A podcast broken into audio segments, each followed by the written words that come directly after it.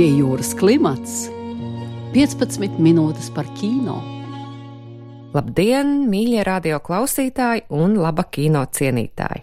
Pie jūras klimats ir un paliek pie jūras klimats visur Baltijā, arī Igaunijā, kas 24. februārī oficiāli iesoļo savu valstiskums simtgadē. Tādēļ šīs dienas 15 kino minūtes par igauņu filmām un igauņu režisoriem. Pavisam nesen preses relīze lepni vēstīja, ka pirmo reizi kopš neatkarības atjaunošanas spēļu filmu ražošana Latvijā sasniegusi savulaik leģendārās Rīgas kinostudijas apjomus. Šogad uz ekrāniem nonāks vismaz astoņas latviešu spēļu filmas. Igauņu kino šķiet atkal pussolīt mums priekšā. Filmu ražošanas budžets par pāris miljoniem eiro lielāks, un pēdējos gadus pirmizrādes piedzīvo vismaz desmit igauņu spēļu filmas gadā. Igauņu filmas saņēmušas apbalvojumus Kannu un Venēcijas festivālos, izkārpjušās līdz Eiropas Kinoakadēmijas un Oskaru nominācijām, un vienā filmā Igauņu pašu Žannu Moro paspēja nofilmēt. Bet labi, ne jau salīdzināties ar Igauniem mēs tā esam nākuši, bet gan lai runātu par svarīgāko - par kino.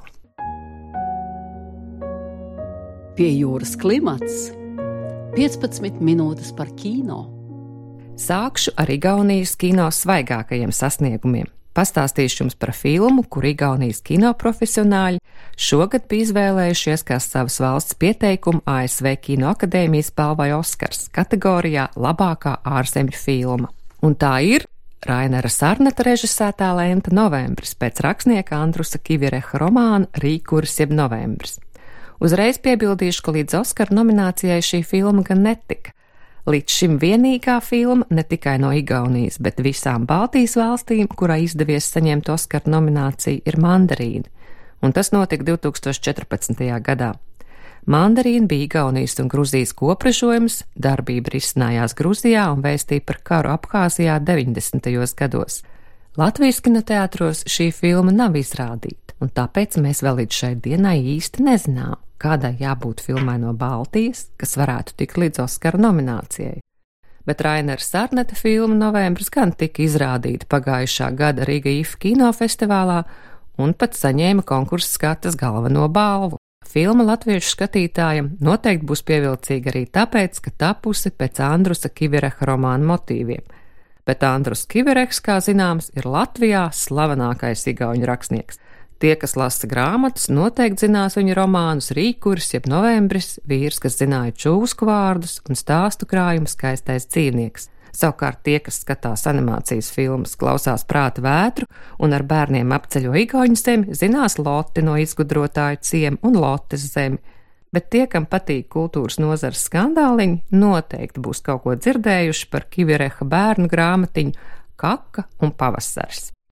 Rainera Sarneta filma Novembris ir melna balta attēla un melna humora caurausta fascinējoša igauņu gotika par kādu tumšu un atpalikušu ciemateļu zemnieku dzīvi, kurā ļautiņu sīkās un zemiskās kaislības un vājības sadzīvo gan ar pagāniskām burvībām, ticējumiem un paražām, gan maģiski pārlaicīgiem un pārpasaulīgiem rituāliem.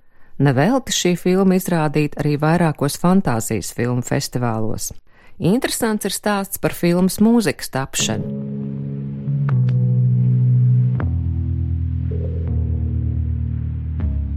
Sērfojot YouTube, režisors Rainers Sārnets nejauši uzdūries poļu elektroakustiskās mūzikas autoram Mihailam Jacašaka un sapratis, ka tieši šī ir tā skaņa un noskaņa, kas nepieciešama viņa topošajai filmai.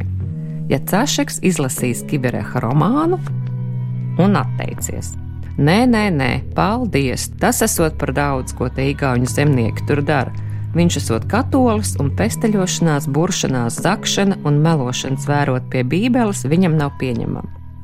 Tomēr Rainaram Sārnetam izdevās reliģiozo komponistu pārliecināt, ka filma būs mazliet par kaut ko citu, par cilvēka dvēseli, dvēseles pārdošanu, dzīvošanu bez dvēseles un ilgošanos pēc dvēseles un tā tapa filmas novembris noslēpumainais un fascinējošais skaņu celiņš, kas perfekti papildina filmas maģisko vizuālo rindu. Šobrīd mēs klausāmies poļu komponista Jacašeka skaņdarbu Lamentu.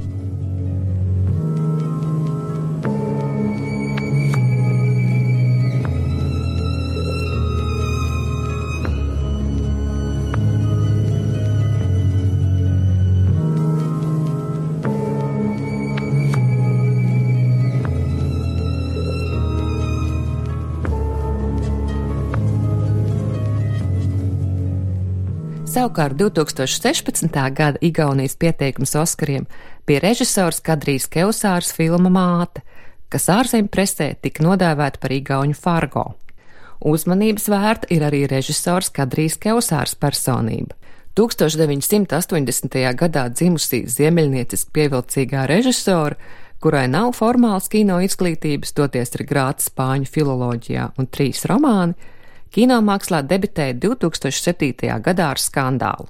Ups, es teicu ar skandālu, es gribēju teikt ar filmu Magnus, kas kļuva par pirmo Igaunijas filmu, kurā izdevās izlausties līdz Kannu kinofestivāla programmai īpašais skatiens, un pirmo filmu, kur Igaunijā aizliedz izrādīt ar tiesas lēmumu. Magnus raisīja diskusijas par autoru ētiku un atbildību. Filma balstās patiesā un traģiskā notikumā, jauna puiša dzīves stāsts, kurš, diemžēl, reālajā dzīvē beidzās ar pašnāvību. Situāciju vēl delikātāk padarīja fakts, ka Keusārs filmā nofilmējās puiša īstais tēvs, kurš kopā ar aktieriem izspēlēja savu dēlu traģisko dzīves stāstu, un viņa prāt izpirka savu vainu dēlu priekšā. Diemžēl puiša māte domāja savādāk un uzvarēja tiesas procesā par privātās dzīves neaizskaramību pie jūras klimats 15 minūtes par kino.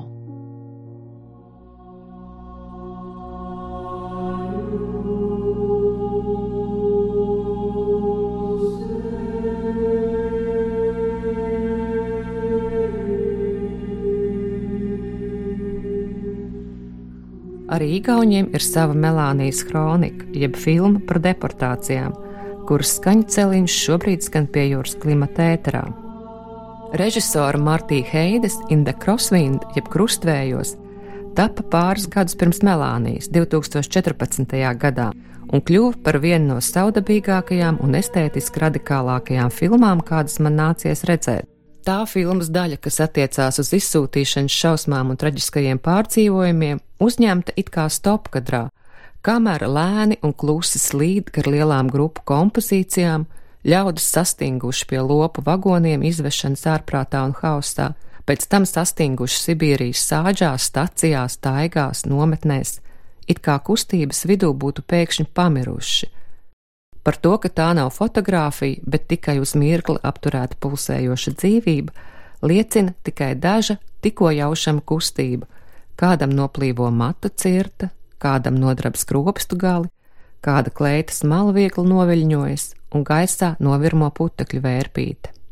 Autori šo kino valodas ceļu izvēlējušies ne tāpēc, lai estetizētu smago deportāciju tēmu, bet gan tāpēc, ka šķiet viņiem licies neiespējami par to dienu traģiskajiem notikumiem spēlfilmā stāstīt dokumentāli, kā bija, jo to, kā bija, nevar attēlot ne filmā, ne mākslas darbā. To, kā bija, pa īstam līdz galam zina tikai tie, kas tur tiešām bija.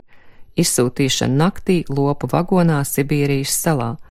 Tāpēc filmas veidotāji nepretendē uz realitāti imitējošu kino stāstu, bet apzināti strādājuši ar smalkām asociācijām, vibrācijām, gaismām, skaņām, radot neaizmirstamu, ārēji atturīgu, pat statisku, bet iekšēji dinamisku un emocionāli piesātinātu kino gleznu kurā ļoti nozīmīga vieta ir arī skaņu rindai. Piemēram, tagad jūs dzirdat, kā runā Sibīrijas meža bērzi, stāstot mums tur palikušo stāstus.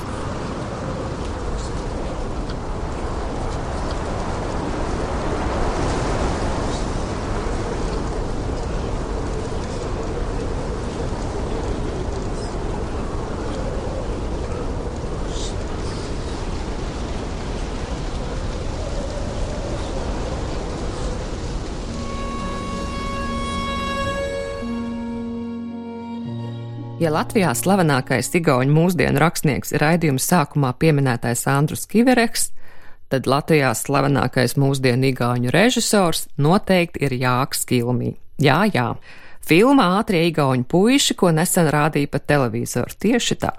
Ātrie igauņu puiši, jeb disidenti, jeb varoņi, ir viena no komerciāli veiksmīgākajām igauņu jaunajām filmām.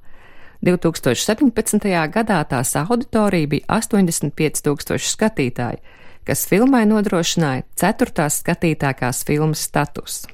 Salīdzinājumam, lai mūsu pašu vectēvs, kas bīstamāks par datoru, pagājušā gadā kļūtu par otro skatītāko, pietika ar 76 tūkstošiem skatītāju. Nu, bet Igauni vispār vairāk iet uz kino.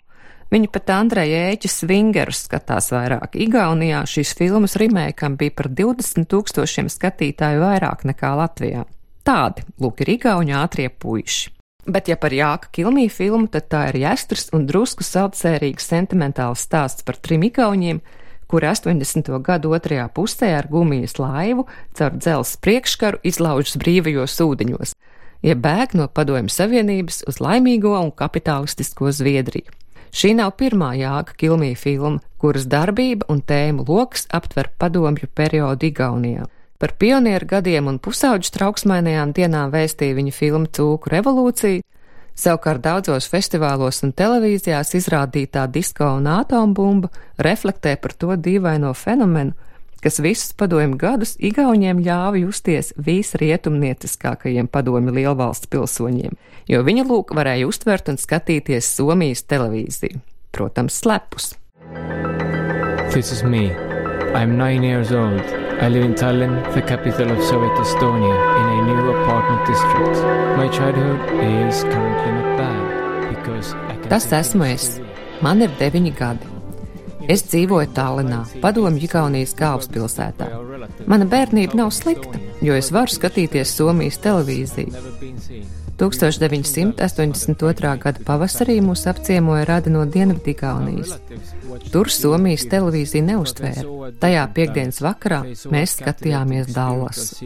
Mūsu radinieki skatījās kopā ar mums, bet viņi redzēja pilnīgi citu Dallasu. Tas bija transcendentāls spirituāls seans, kurā mana mamma bija medijs, kas viņiem tulkoja visus šos ārzemju tēlus un vārdus igaunis. The season's last episode. JR alone in his office. The door opens. Sezonas pēdējā somebody sērija. enters. GR ir viens JR savā look. Atveras durvis, kāds ienāk. GR iet paskatīties divi šāvieni. GR nokrīt, JR? titri. Kas nošāva GR? Es apsolīju savam brālēnam, ka rakstīšu viņam katru nedēļu, lai pastāstītu, kas notiek Dallasā. Savukārt Jāka Kilmija jaunākā filma Cilvēki no nekurienes ir koprodukcija ar Latviju, studiju mistrus mēdīju un režisoru un producentu Gintu Grūbi, un tās darbība arī ir izcinās padomju periodā 1978. gadā, kad padomju Latvijas VDK darbinieks un Latvijas kultūras sakaru komitejas vadītājs Imants Lešīnskis nolēma pāriet ASV pusē. Kopā ar viņu palika meita Ieva Lešīnska, kura šobrīd ir sakārtojusi un izdevusi savu tēva atmiņu krājumu starp divām pasaulēm. Bet, ja jau pamazām no Igaunijas atgriežamies Latvijā, nevaru nepieminēt vēl vienu filmu, kuras darbība risinās 80. gados, precīzāk 1989. gadā, lielu un nopietnu pārmaiņu laikā Latvijā. Tikko pirmizrādi piedzīvoju un savu ekrāna dzīvi sāk režisoras Madaras Dišleres debijas filmetrāžu spēļu filma Paradīze 89. Personiskās atmiņās balstīts stāsts par kādu vasaru laukos, pēc kuras viss bija citādi. Filma ir meiteņu pieaugšanas stāsts. Tajā rekonstruēts gan Baltijas ceļš, gan Daņa Ivāna leģendārā uzruna. Filmā skan 80. gadu nogales mūzika. Šodien es atvados no jums ar grupas Aurora 90. gadu hītu Barjera dziesmu, kas skan arī filmā Paradīze 89.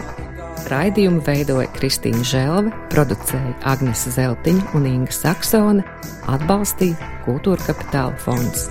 skaļi māciet, kādu transparentu man Using balls in the expo venom